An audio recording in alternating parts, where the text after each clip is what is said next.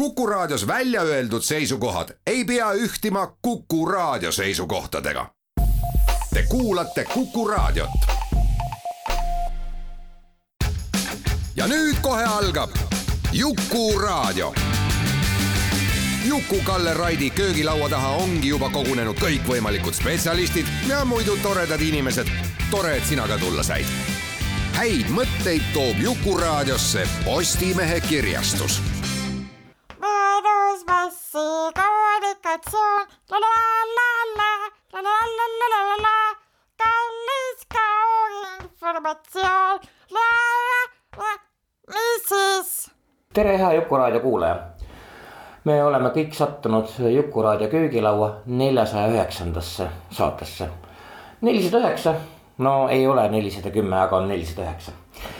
me lõpuks ometi tuleme veidikene kodule lähemale üle siis hästi-hästi mitme saate, et kes mäletab, eelmine, eelmisel saatel me lugesime Julia Augi lavastatud Ukraina rindekirju.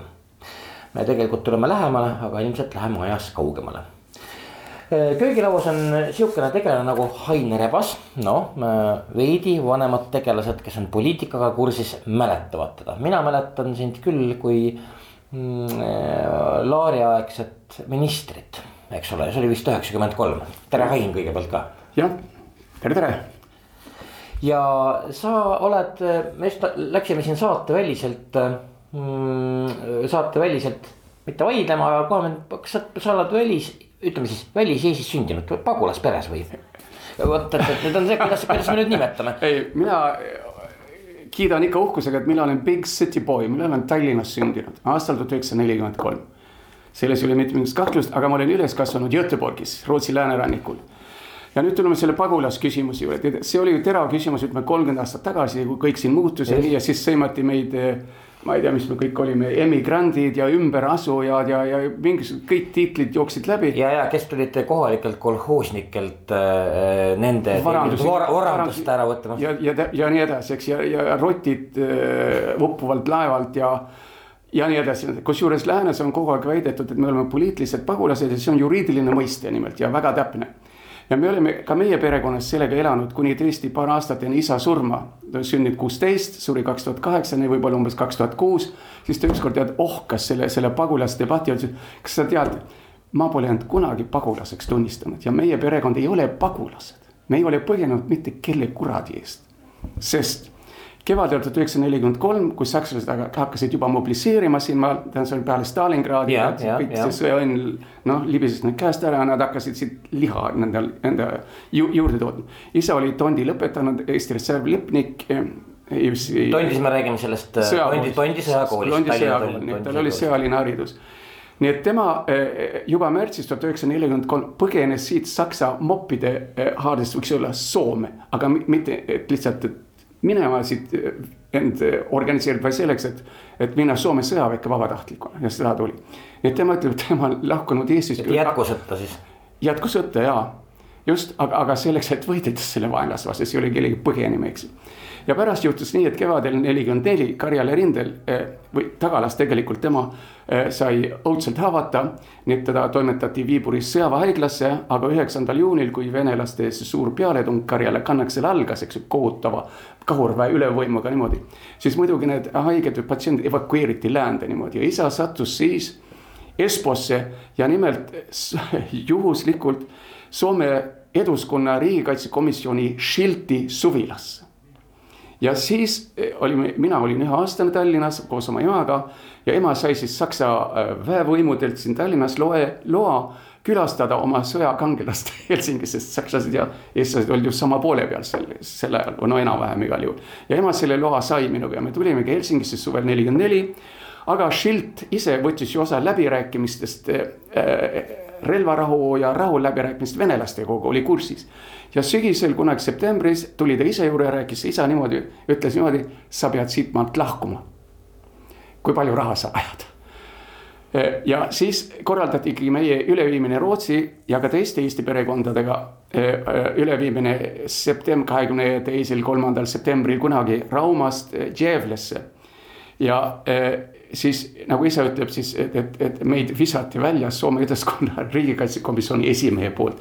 nii, et mina ei ole põgenenud mitte kuskil, mind visati visati välja Soomest. no umbes see, see on väikse huumoriga pooleks, aga igal juhul see tüütab ära, see, see pagulane ja pagulane ei olnud.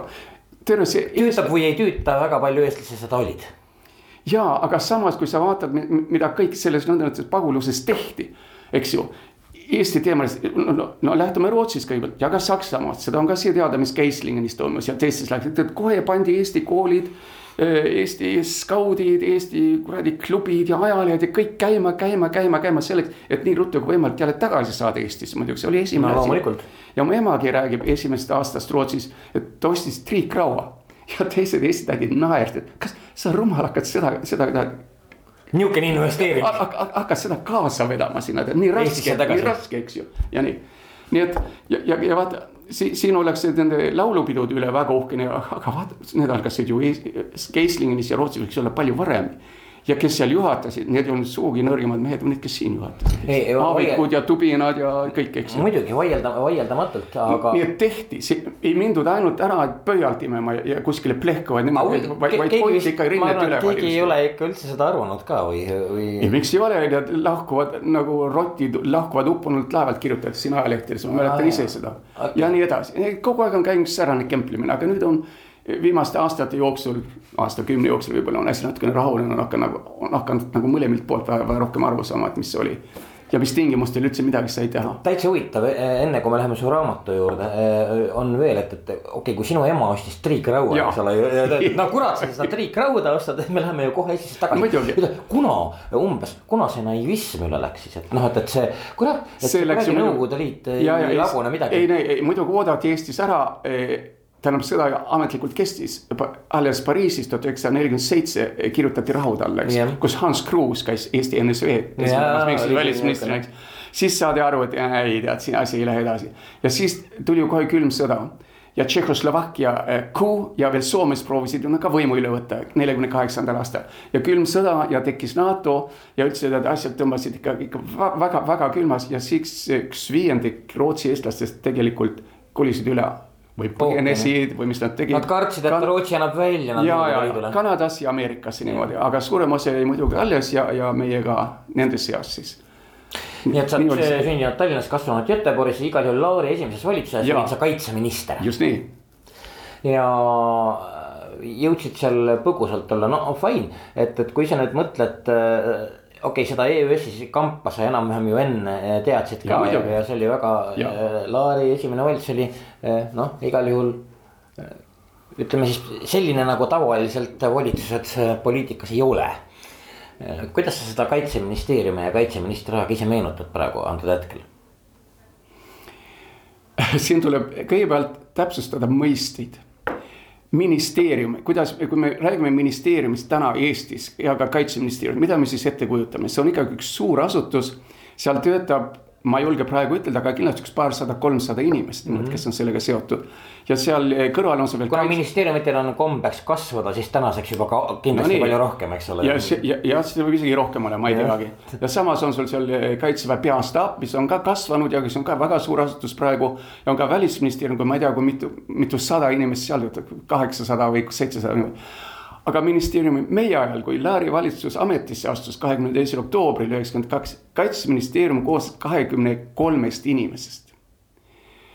Nendest oli üks aseminister, mis ma olin, ma olin pärinud Ulo otsalt näiteks, aseministri ma lõin kohe välja, läbinisti korrumpeeritud, totaalselt kõlbmatu mul oli kaks polkovnikut antud, need ma lõin kaunis ruttu välja, esimese lihtsalt saamatuse pärast ja teise sellepärast, ta andis mulle kahekordselt valeandmeid niimoodi, niimoodi, et, et, et ma sain poliitiliselt kannatada seepärast.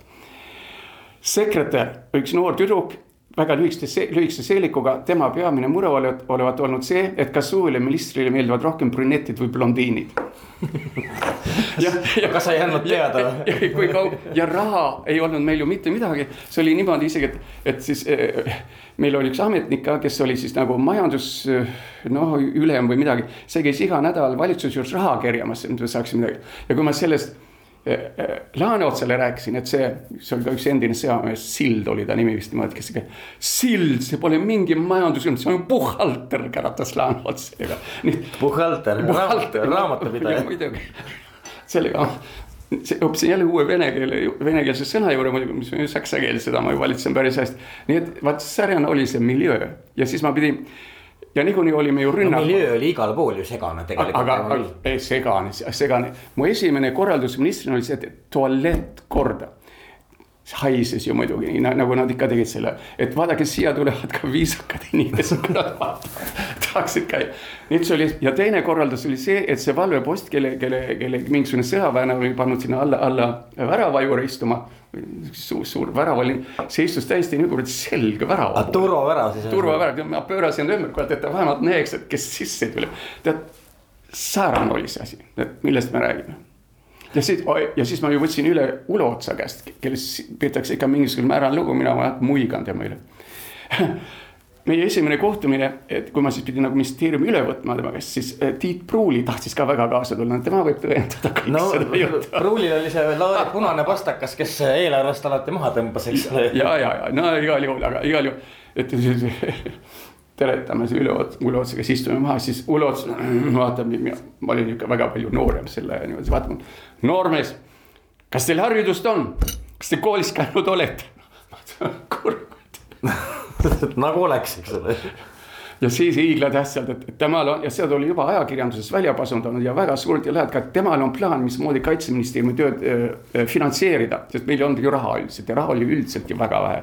ja üldse, mis rahadest küsimus ja nii, et temal on see plaan ja seda siis mulle ka rääkis hiiglatähtsalt, et see on mul siin seifis, et siit võtmed ja vaatate pärast. et kui ma siis vaatasin, mis siis, võta laenu, eks ju see oli plaan, kuidas ma ajan tahtsin. rootslane ütleb buskis, põõsateater, võsateater väga lähedal sellele kõik see asi oli, nii et seal tuli hakata. ja ma ütlen selgelt, et ma, ma olen elus päris igas mitme asjaga päris palju hästi õnnestunud, sest ma olen teinud palju tööd. aga kunagi ei ole ma nii palju tööd teinud kui Eesti Vabariigi kaitsmist. hommikust vara kuni õhtu, öösiti. Laanotsaga istusime kaartidega ja värkidega, tegime riigikaitse põhialused ja plaane ja selle Iisraeli relvaostu värki kunagi nii palju töötanud, kui ma siin. no siis Iisraeli relvaostse põhjustus ja ka mingi kurat teab mis skandaali, eks ole. see oli jälle pseudo kõik, jälle pseudo jälle üle, üles köetud igasuguste kujude poolt. see oli, selles mõttes oli see huvitav ah, ah, ma ei tea, kas sellest just tahate rääkida või? no see...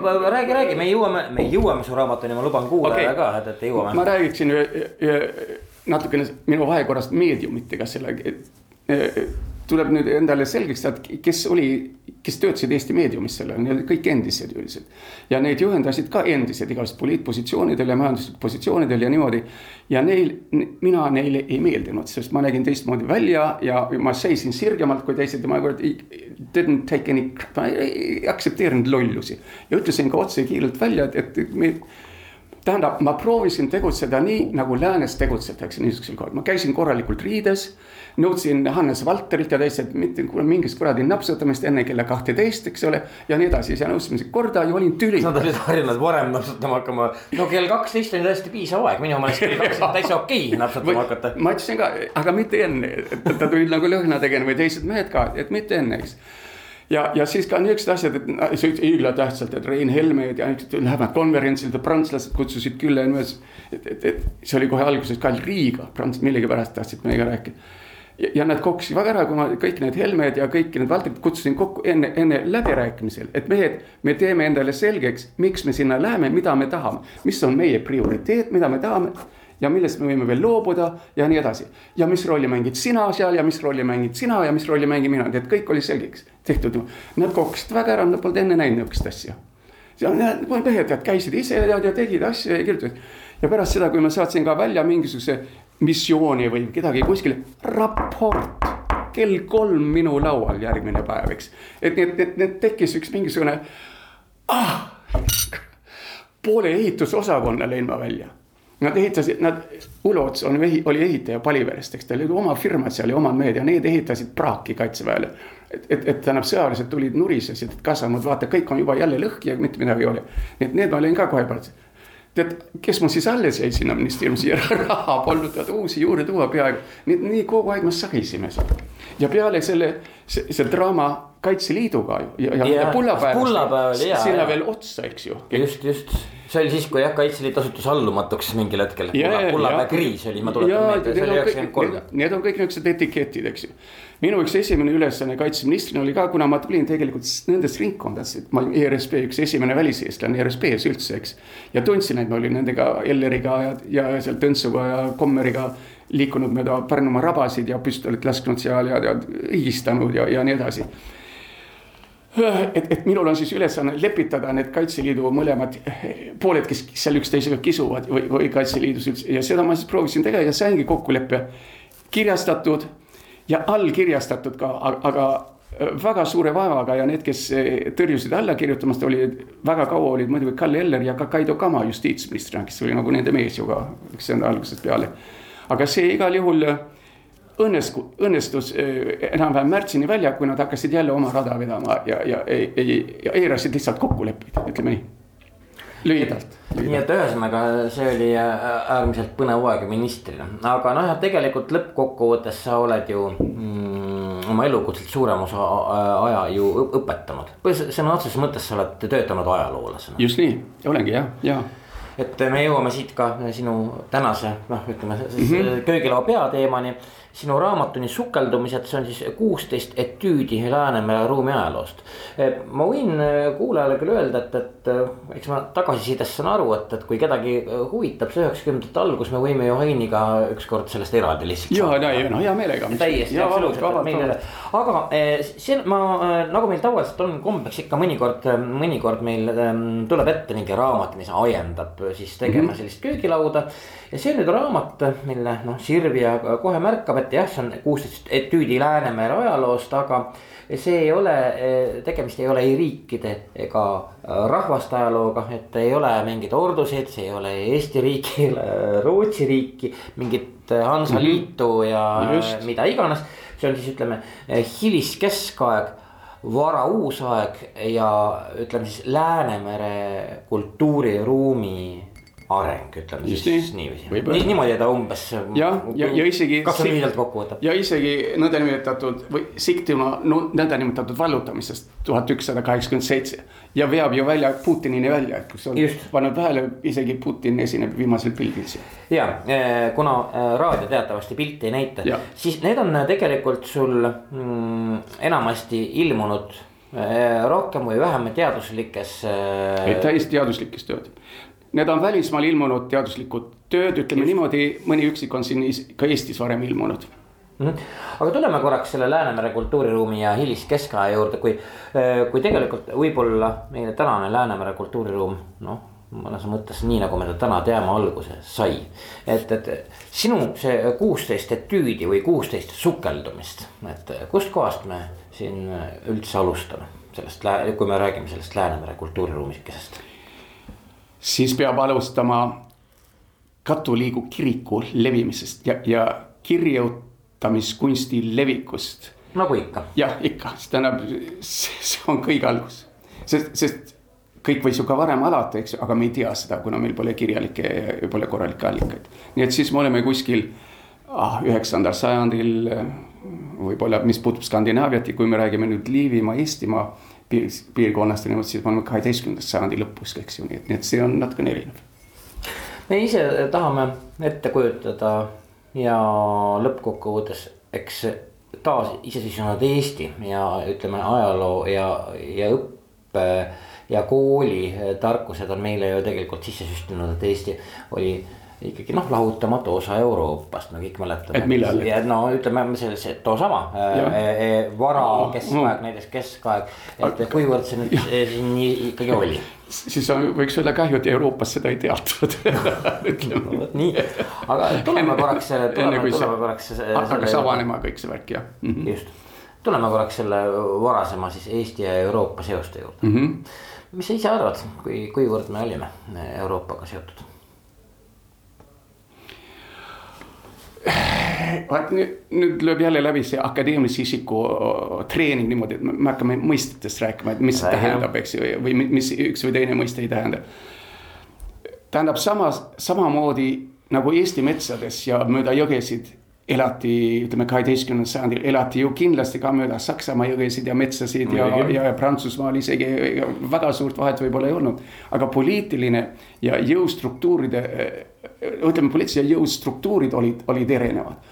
kuna läänes olid ikkagi hakati, hakatud looma riike mingisuguse keskusega ja mingisuguse võimutsejaga või mingisuguse süsteemiga niimoodi, siis seda muidugi Eestis alguses no räägime Läti Henriku ajast, eks üldiselt. no seal on varem... paar vihjet, et justkui oleks mingid Eesti ülikud, aga me ei ja... või me ei või selles kindlad olla. ei no aga Läti Henriku ajal juba ütleme tuhat kakssada, no räägime kaksteist, kuusteist, üheksateist ja niimoodi, siis ju midagi oli, siis need vastupanud sakslastele ja taanlastele ja, ja rootslastele ka Läänemaal ja need, need saarlaste laevastikud, mis saadeti kuradi Riia ette ja niimoodi, oli, see nõuab ju. Süsteem, süsteemi, juhtimist ja süsteemi, peab olema, tähendab, see peab töötama ja seda sa ei vilista kokku niimoodi, eks, vaid see, see peab ikkagi aastate jooksul olema välja kasvanud. nii et midagi säärast ju oli, aga kas me vajadusel võime riikidest rääkida ja, ja võib-olla ka mitte rahvastest, aga, aga noh.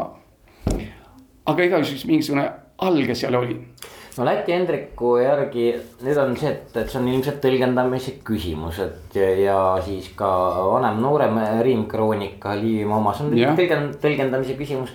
et kuivõrd siis nagu nõukogude ajal koolis õpetati, õpetati, et kas äh, oli ikkagi niisugune varafeodalism tekkimas või mitte. Need etiketid. see on nii tore, see on nii tore, vaata, mina sain, mina õppisin kurat terve kooliaja siukseid nõukogude etikette, eks ole, millest sina oled pääsenud. ei no meid õpetati meil oli ju küllalt palju marksiste, ma, ma hakkasin ju ülikoolis. aga muidugi Rootsi on selle poolest tuntud. muidugi, ma hakkasin õppima kuuendat aastat keskel, ujutati üle marksismiga Äh, eriti muidugi sotsioloogide ja pedagoogide ja nüüd tegelaste poolt.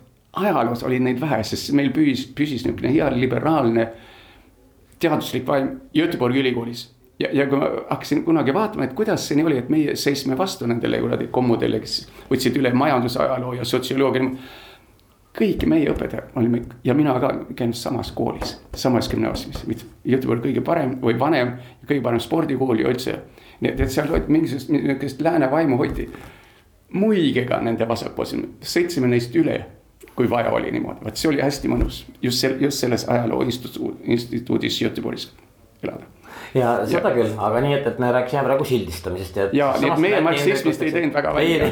ega marksismist välja ei teinud väga välja. Äh, selle kohta veel üks hea, tuhat üheksasada kaheksakümmend kaks eh, oli Helmut Piirimäe Tartu Ülikooli professor, kes tegeles Skandinaaviaga, võidelnud välja üleliidulise skandinavistide kongressi Eestisse, kuna oli Tartu Ülikooli juubel ka lubatud, kolmesaja viiekümne aastane. ja see kongress peeti eh, Tallinnas ja ma olin ka kohal. ja võtsin intensiivselt osa ja lõpuõhtul eh, tants ja palju viina ja hästi, hästi toredad naised olid siin selles, ma tantsisingi mõnega. ja siis eh, eh, üks küsis, tähendab minu käest küsiti, kuidas meil marksismiga vahekorda, mina selle peale tegin muigasin kerge niimoodi. siis ta ütles, et jah, et teil, teie poolt on üks marksist ja siin meie poolt on ka üks ja, ja siitpoolt oli siis Juhan Kahk tema meelest. ja siis Rootsi poolest Aleksander Loit, nii et ega teisi võib-olla palju ei olnudki, neid pandi nagu, nagu tähele no muidugi marksistlik ajaloo käsitlus on midagi muud ja sinna pole midagi eh, parata. oota, me teeme Hain Rebasega praegu korraks ühe väikese reklaamipausi, kohe tuleme tagasi, ma tuletan meelde, tegelikult meid ajendas kohtuma siin Kuku klubis neljasaja üheksandas eh, Juku-raadio köögilauas Rain Rebase raamat Sukeldumised, see on kuusteist etüüdi Läänemere ruumiajaloost me tasakesi muudkui läheneme raamatule. no pane läheneme, läheneme, teeme väikese pausi, tuleme kohe tagasi mm. -hmm Te olete Kuku Raadio lainel ja kuulate Jukuraadiot. häid mõtteid toob Jukuraadiosse Postimehe kirjastus. jukuraadio köögilaua neljasaja üheksas saade on Hain Rebas on meil külas, kes esimest plokki eh, teadis, me üritame võib-olla teadvustada siis sihukest asja, et eh, Hain Rebasel on eh, ajaloolasel on sihukene raamat nagu Sukeldumised, kuusteist etüüdi Läänemere ruumiajaloost, no kõik kuulajad teavad, et äh, ägedad raamatud põhjustavad alati äh, varem või hiljem saate, kus me ei jutusta raamatut ümber, vaid mm -hmm. pigem vestleme siis jah, tõepoolest köögilaudselt äh, autoriga. Ain Rebas, kes on meil jõudnud olla ka kaitseminister, see on kõik eelmises plokis, me jõudsime praegu tegelikult Läti Hendriku kroonikasse ja siis me mõtleme, kuivõrd see Eesti oli Euroopa, kuna sinu raamat tegelikult hiliskeskaegset Eestit ja Läänemere kultuuriruumi kajastab. Ja noh, kuidas pääseti vanasti meie juurde ja kuidas meie pääsesime välja ja nii edasi, et milline osa meie Euroopas siis olime. me nüüd takerdusime sinna, sinnasamma äh, Läti Hendrikusse, et lõppkokkuvõttes, kas siis Eesti oli kujunemas, ütleme siis, ütleme kihistumas juba niukeseks, niisuguseks noh sõna otseses mõttes äh, klassirikaste ja, ja mitterikastama ühiskonnaks, sellepärast et Läti Hendriku kroonikas on vihjeid, kuid meil ei ole kirjalikke teateid, no konkreetseid. Äh, räägime aast-, kolmeteistkümnenda sajandi algusest, eks ju. kindlasti oli kihistumine aset leidnud, nagu iga, igas ühiskonnas ju, päris kindlasti muidu oleks kõik need, ütleme, organiseeritud vastuhakud ja. Eh, Sakalas ja eh, Väina-Jõe suudmes ja, ja, ja mujal üldse võimalik. Lembitu no, linnuse no, ju, eks ole, see tähendas, et seda seostati ikkagi ühe inimesega. ja, ja loomulikult ja isegi. ja Lehola võitleb. ja, ja kui nad veel on lihtsalt vaenlase poolt nimetatud, eks siis saad aru, et see on üks paha kuju ju, et, et oli kõik olemas. aga, aga just sel ajal algaski, võiks öelda, et ütleme Eesti ja Liivimaa territooriumit, kui, kui, kui seda võib niimoodi sissetõmbamine Euroopasse, nimelt kiriku kaudu, usu kaudu, mida levitati ka mõõga abiga muidugi, nagu me teame, aga ka muidugi kaubanduse kaudu. ja need esimesed, kes seda kaubandust itta niimoodi või siiapoole ajasid, need olid ojamaalased. et seda, mis te hanseaatidest olete siin koolis lugenud, see on kõik õige, aga, aga hanseaatide ajalooliselt ei kirjuta eriti palju ojamaalast, aga ojamaalased olid enne siin, nad lõid juba, eh, tähendab Kuramaa rannikule juba seitsmendal sajandil oma, oma väiksed asulad. ja, ja kui ma tegelesin selle teemaga, ma uurisin vanu kaarte ja siis ma avastasin eh, Saaremaa läänerannikul küla nimega Gotlandi.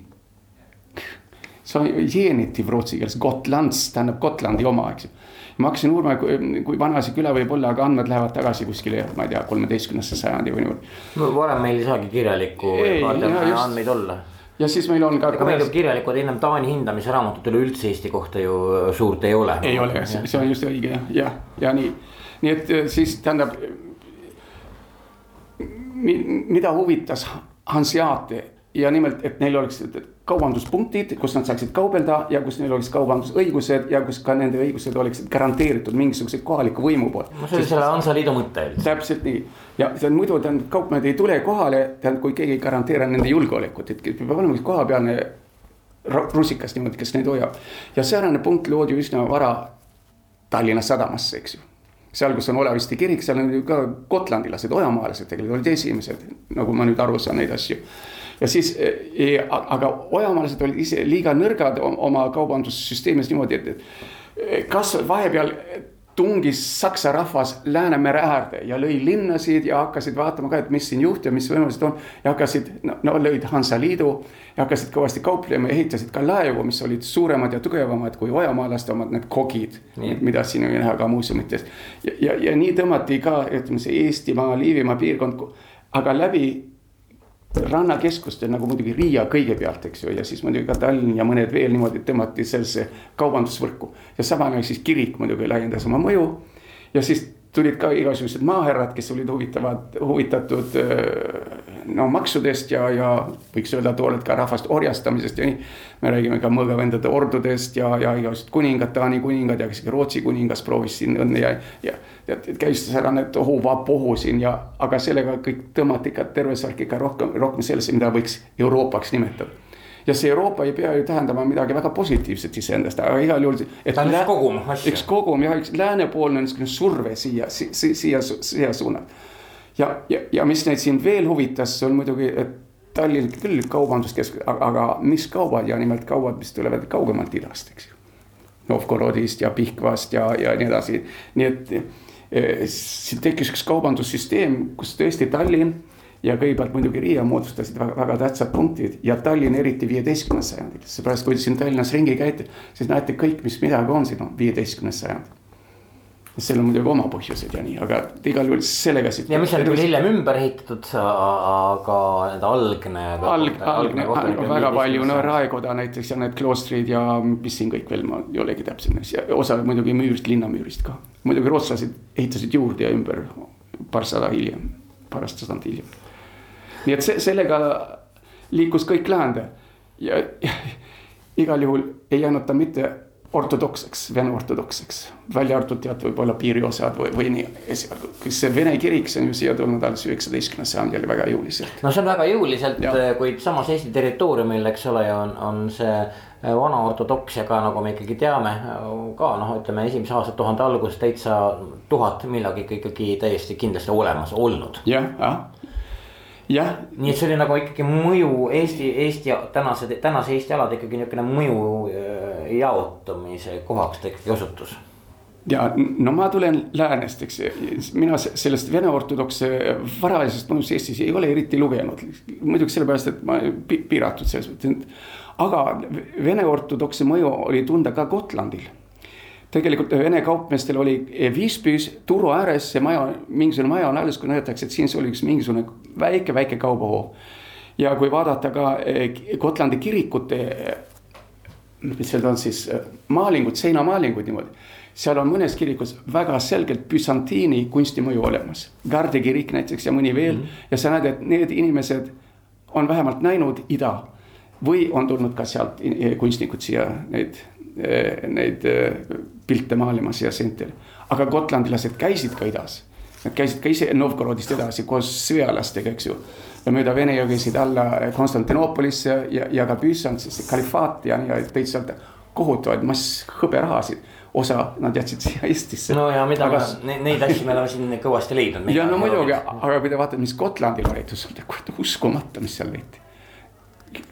jah, nad käisid lihtsalt ja, ja küsimus on mida nad siis andsid selle hõbeda eest. tead, mida nad ise pakkusid. Ja siis me tulime ikkagi orjakauplusele tagasi siin ei ole midagi teha, me oleme proovinud seda näitada. oli täiesti olemas ja me võime ka ja. tulla Liivi, Läti Hendriku kroonika ja. juurde tagasi, kus on ikkagi eh, orjakaubandus eh, absoluutselt kirjas, nagu ta ja. toona käis, enne kui ütleme siis. ja mitte ainult. tänased sakslased siia jõudsid. mitte ainult orjakaubandus, ma olen sellest kirjutanud ka tähendab, see on see moment äh, tuhat kakssada kakskümmend kuus, kui äh, see mood-, Modena piiskop, kes oli siin kaua olnud paavsti esindajana, tahab tagasi puritada tsiviliseeritud ühiskonda ja on siin kuskil Riia, Riias või kuskil rannas ja ootab laevu. ja näeb, et saarlased tulevad tagasi oma vangidega. ja mismoodi saarlased nende vangidega ümber käivad, need on naised. ja kirjutab nende kohta niimoodi, et pruugitud naised, nad olid häbistatud naised, tead, see, see Henriku keel ta on munk. No Henriku ta... keel ja ei, ei paendu. ei, ütleme niimoodi ja kas ta ka täpselt aru sai, ma ei tea, aga see oli päris selge, et siin mehed tegelesid traffic uga.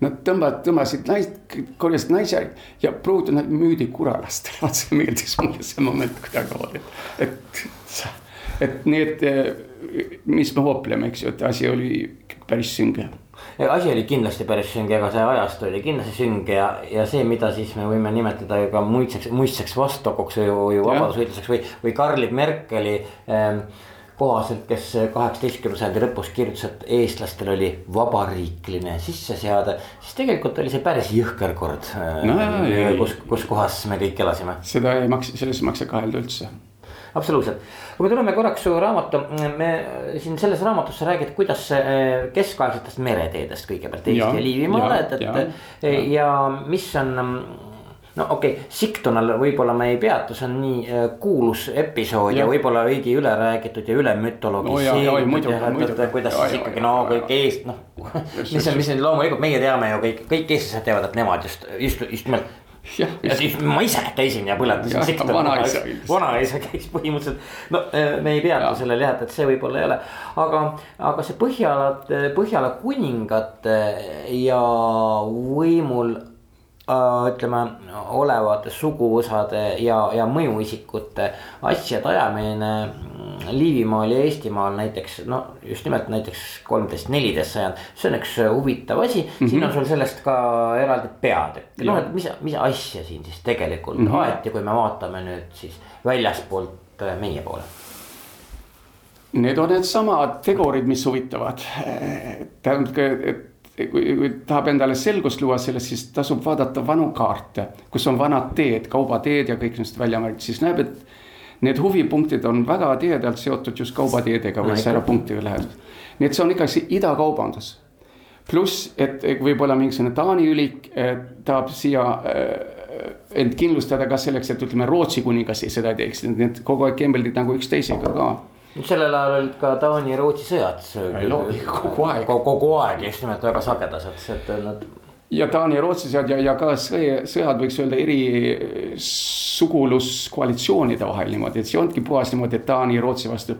see on jälle üks säärane patriootlik natsionalistlik ajaloo kirjutamine, mis, mis, mida alustati just sellel viieteistkümnendal sajandil niimoodi, et taanlased, vot need on meie verivaenlased ja nii edasi. ja muidugi üheksateistkümnendal sajandil siis, kui kõik see rahvusromantika niimoodi väga läbi lõi ja kõik tahtsid olla viikingud ja kõige tugevamad ja, ja niimoodi, siis, siis muidugi seda õhutati veelgi rohkem. aga kui hakkad täpselt vaatama, siis nad olid ikkagi nagu suguvõsad üldiselt ja mõned Rootsi suguvõsad, neil olid sugulased Taanis, võib-olla Norras ka, nii et see.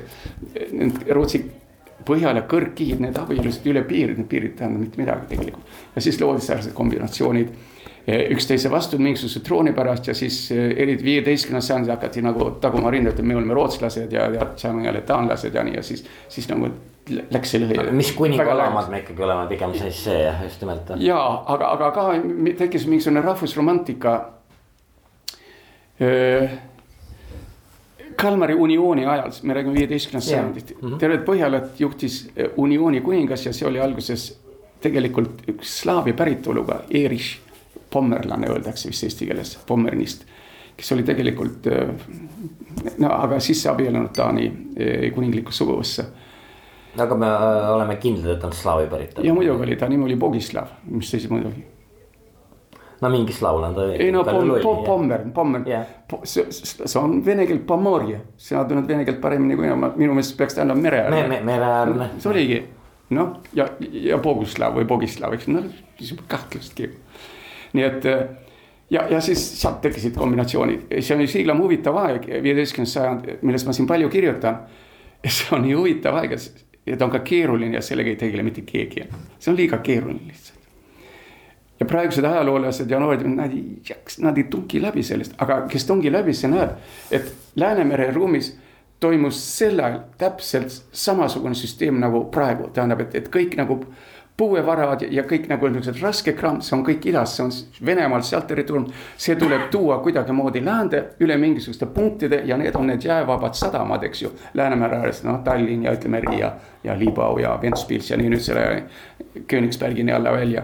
mitte igal aastal, sest kuhugi see, see sinnasamma äh, langeb ka väike jääaeg, kui. Äh, ja, ja no, no siis, ei, aga ma räägin põhimõtteliselt ja, ja mida need isa, idavürstid, need tahavad, need tahavad läänest saada no, no riiet näiteks nagu sel ajal oli ja kalliskive ja kulda ja kõik need, tähendab see kaubavahetus on ju sama, me gaasi vastu me vahetame, ma ei tea, dollareid praegu või, või mis, eks. Need, need on süsteem on sama ja, ja, ja, ja võideldakse äh, suurstrateegiliselt äh, sellesama süsteemi põhjal ja ka, ka väiksemalt äh, mastaabis. muidugi siis on mingisugused Rootsi huvid ja Taani huvid ja Saksa huvid ja kõik niimoodi ja, ja, ja tähendab see mäng. see on enam-vähem sama mäng ka viieteistkümnendal sajandil, sa näed ja siis mõtled, okei okay mis siis järgmise viie aasta, viiesaja aasta jooksul toimus. et see püsib, Venemaa on, kus ta on ja seal on need maapõuevarad ja kõik need olemas ja rahvas on võib-olla töökas, aga. kust sa seda võtsid? võib-olla ma ütlesin mis asja? võib-olla. kuna sa viimati Venemaal käisid ei no ma ei ole, olen tõesti käinud küll, aga ei no ma, ma ütlesin seda teatud lõõpimisega niimoodi, aga igal juhul nad, nad, nad toovad need. tähendab, keskajal oli küsimus vahast ja, ja karusnahkadest. ja mis seal veel oli, eks, aga niisugused kaubad, mis nõuavad suurt laadimisruumi ja, ja tead, liiguvad niimoodi ja tagasi saavad nad. no ütleme, kalliskivi ja raha ja hõbe, hõbedat ja nii, mida oli kerge jälle läände tuua. aga põhiliselt sama süsteem jälle, aga nüüd on ka see, et need Vene, Vene vürstid kes nad nüüd on, Putini ja tema hulgas, et saadavad oma lapsed ju kõik välismaale koolidesse, et, et, et, et sa, sa profiteerid. see ei ole ka mitte mingi uus asi tegelikult. muidugi ei ole, ei ole, ei ole see ei ole absoluutselt mingi uus asi. Peeter ise käis ju läänes õppimas korralikult. jah, no siin nüüd me juba ja hüppame juba siin ka, ka, ka seitsmeteistkümnenda sajandi lõppu, kaheksateistkümnenda algusesse, eks ole.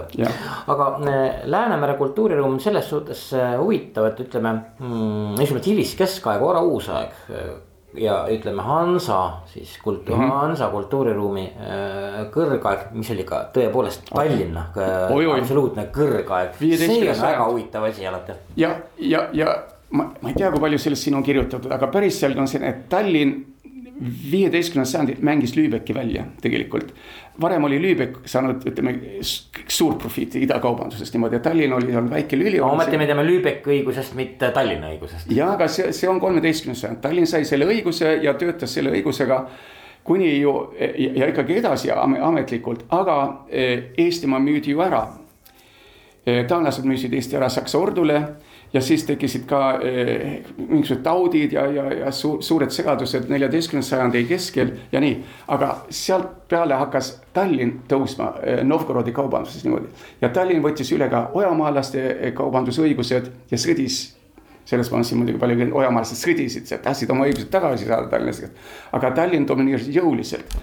ja mida veel Tallinn tegi eh, koos Danzigiga, nad tõid hollandlased sisse hollandlased tõusid ju ütleme merevõimuna ja kaubandus suurvõimuna kolmeteist, neljateist, viieteistkümnendal sajandil. ja neil oli kasutada hoopis teised kaubad ja teised, teised kontaktid läänes. ja hollandlased tulidki siis, hüppasid Lübeckist üle ja läksid Danzigi ja, ja, ja, ja isegi otse Tallinnasse.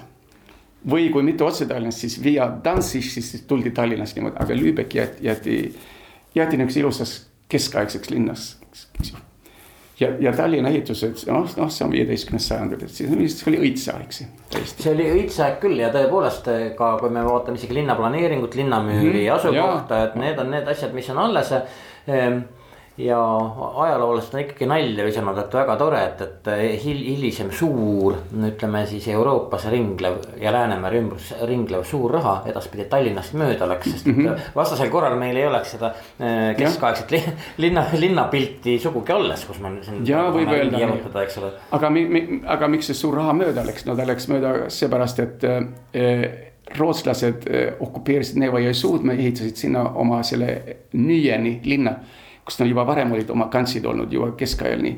ja, ja kui rootslased sealt välja löödi, siis tekkis Peterburi, eks ju, see oli maailma metropool pikapeale niimoodi, et see võttis väga palju kaubandust üle. Ja Riia kerkis ka samal ajal, nii et Tallinn jäi vahepeale. Ja, ja lõppkokkuvõttes Peterburiga nüüd äh, olime kõik ju teame, et, et eks Peeter Esimene mingi hetk mingi idee kuivõrd nüüd see väga kirjalik on, aga see, see on üldiselt ajaloost läbi käinud, et. et see, mida me tunneme täna Peterburina mm, -hmm. seda planeeriti tegelikult algul ehitada enam-vähem siis Narva äh, jõe peale, aga kuna Karl kaheteistkümnega oli väike kana kitkuda ja Peeter esimese korra ju kaela äh, sai sealsamas Narva laines kokkupõrkes. selle, selle kohta võib öelda isegi, isegi rootslased planeerisid Narvaga midagi palju enamat, kui sellest välja tuli. sest Narva ju teatavasti põles seitsmeteistkümnenda sajandi keskel ja ehitati üles moodsa Rootsi barokklinnana niimoodi, täpselt seda nagu samal ajal ehitati Stockholmis. tähendab, Stockholm vanalinn, see on ürgvane, eks, aga siis see Norman põhjapoolne osa see kavandati samal ajal kui Narva ja samal ajal ehitasid rootslased Göteborgi. kõik sama tänavate süsteem, samad linnad mm, -hmm. suur, suur Sturgatan ja Kuninganna tänav ja, ja kõik niimoodi. ja, ja miks rootslased selleni ehitasid, seepärast et nad tahtsid Narvast teha oma teise pealinna täpselt nagu roomlastel oli Konstantinoopol teise. see on väga dokumenteeritud. ja see on absoluutselt selge ja, ja miks, miks, aga, aga mida üldiselt ei teata, eh, sellest on küll kirjutatud, aga kes, kes loeb, eks ju rootslaste plaanid selle olid minu meelest fantastilised, sest nad olid ka liikunud maailmas ja näinud, et. tähendab, me peame nüüd rääkima siidideest kaugelt Hiinast, kust tulevad ikkagi väga väärtuslikud kaubad ja need on tulnud aastatuhandeid niimoodi Läänemere ruumi välja. aga rootslased panid tähele, et me võime seda kaubandust viia mööda Vene jõgesid ja tuua kõik selle kraami noh, Narva või siis pärast ka või siis Nüüenisse, tähendab Neeva jõe suudmesse ja sealt läheb see kaubandus kõik, kõik edasi Stockholmi üle Läänemere ja Stockholmist läbi, kui vaja, eh, läbi Rootsi Norra rannikule, kus rootslased olid hõivanud Trondheimi, suure sadamaid. aga mis veel, rootslased samal ajal lõid oma koloonia Delaware'is Ameerikas. Laevad läksid Göteborgist välja tuhat kuussada kolmkümmend kuus või kolmkümmend kaheksa või midagi niimoodi. nii et, et äkki siin äh, Rootsi ohvitseridel Stockholmist äkki, äkki, äkki vaatasid maailmas, kurat, tead, me teeme, paneme selle kokku, terve selle kaubanduse. aga seal oli siis Narval ka kindel osa mõeldud, eks. minu meelest see on üks huvitav plaan see on ilmselgelt huvitav plaan ja, ja, ja jah, paraku ta tegemata jäi. sinu sukeldumiste raamatus sellest samasse kuusteist etüüdi Läänemere ruumi ajaloost. sa muidugi kirjeldad ka just nimelt seda, kui me nüüd räägimegi sellest mm, Neevast, sellest kokkupuutepunktist Venemaaga. noh, et, et lõppkokkuvõttes tõepoolest, et Landskrona linnusest noh Peterburini, sellest ajavahemikust, eks ole, et, et. et kui, kuidas me viieteistkümnenda sajandi liivimaalaste privileegidest siis kuni siis äh, selle hetkeni, kui siis. kui siis Peeter Esimene lõppkokkuvõttes Karl kaheteistkümnendat mm -hmm. lõi siis tuhat seitsesada kaks, eks ole et see on sul siin äh, kõik olemas, mis on veel väga huvitav, alati on põnev teada saada või siis noh, vähemalt põnev on ikka, me ei pruugi tulemusega rahul olla et kui suur osa tegelikult eestlastel selles kõiges oli et me ju teame ka, eh, võime oletada riimkroonikate ja sama ja. Eh, Läti Hendriku kaudu, et noh, ilmselt mingi siis mingi Eesti eliit ikkagi no jah, vasall eh, talupojad nad mingil moel olid ja ju nad kiirelt taanistusid mm -hmm., saksastusid ja rootsistusid. ja võib, võib arvata jah, ja võib-olla vastupidi ka, tähendab, ma ei ma ei kirjuta talurahva ajalugu. ei, sa ei kirjuta. see ei ole, aga nad on siin taga kogu aeg ja tegelikult äh,. kui rääkida sellest Neeva jõe suudme ajaloost, äh, siis see on ju selgelt näha Rootsi ohvitseride kaartidel mida nad joonistasid just enne suurt põhjasõda ja väga täpsed kaardid on Rootsi sõjaarhiivis, need on kunstiteosed. tõesti soovitan kõikidele minema. Nad joonistasid muide ka Eesti ja Liivimaa kaardid ja joonistasid välja kõik kõrtsid tee peal, see on no, vaja, sõjaväeüksusel on vaja teada, eks ta liigub mööda teed siia. nii, ja nendel kaartidel eh, nüüd Neeva jõe suudme kohta ilusad käekirjad, kõik saared on nimetatud, et seal pole ühtki vene nime, need on Hirvisaar ja Koivusaari ja, ja, ja niimoodi edasi, eks ju. seal ei olnud, need tulid hiljem. nii et äh, ja seal ma muidugi äh, tuleb küsida, et kes siis seal Neeva jõe seilasid kõigepealt või purjetasid või sõutsid ja nii, need olid muidu kohalikud soome-ugri keeli rääkivad rahvad, isurid ja ingerlased, ingerlased ja vadjalased kindlasti ja noh, karjalased või seda me ei tea täpselt. aga see on päris, päris selge tead. Ja siis tulid rootslased, eks kellel juba keskajal olid seal huvid, nagu öeldud, Landskrona, nagu sa nimetasid, aga siis ka äh, alates ütleme kuueteistkümnendast niimoodi. äh, ja peale Stolbova rahu, vot kus seal seitseteist, kus terve see Neova jõe värk ja Ingerimaa oli nende käes, eks nad ehitasid suurelt välja. et nagu öelda, et seda kaubandust, seda idapoolseid, venepoolseid maabuvi va varasid niimoodi kuradi transporteerida välja. kasvõi hollandlaste laevadega igal juhul, et, et panna asjad liikuma, ise võtta jälle profiiti sealt ei loomulikult ja. see soomukõrste käsi oli vaieldamatult mängus. kindlasti oli ja, ja kui, me räägime ka taanlaste, Taani kuningate ja ülikute huvidest Eest, Eestimaal ja. ja ka rootslased, siis loomulikult need mõisad ja kõik, nad taga ajasid, seal tehti tööd, eks hommikust õhtuni, öösiti kindlasti ka ja. Need ei olnud rootslased ja, ja taanlased, kes seal töötasid, vaid need olid muidugi kohalikud need, need ütleme niimoodi, et eestlased on siin tagapõhjas kogu aeg olemas.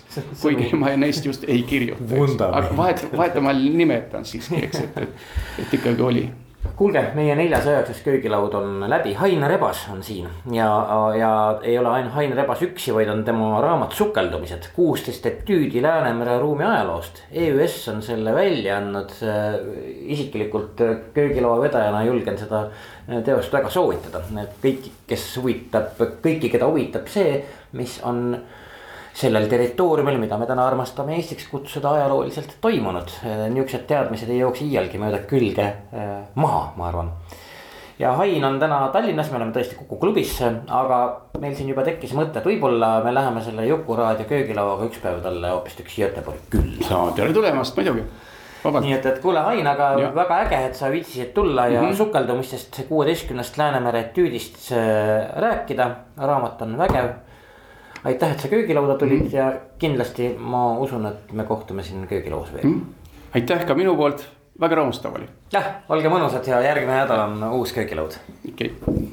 mõnus massikommunikatsioon, la la la la la la la la la la la kallis kauninformatsioon. mis siis? Häid mõtteid toob Jukuraadiosse Postimehe kirjastus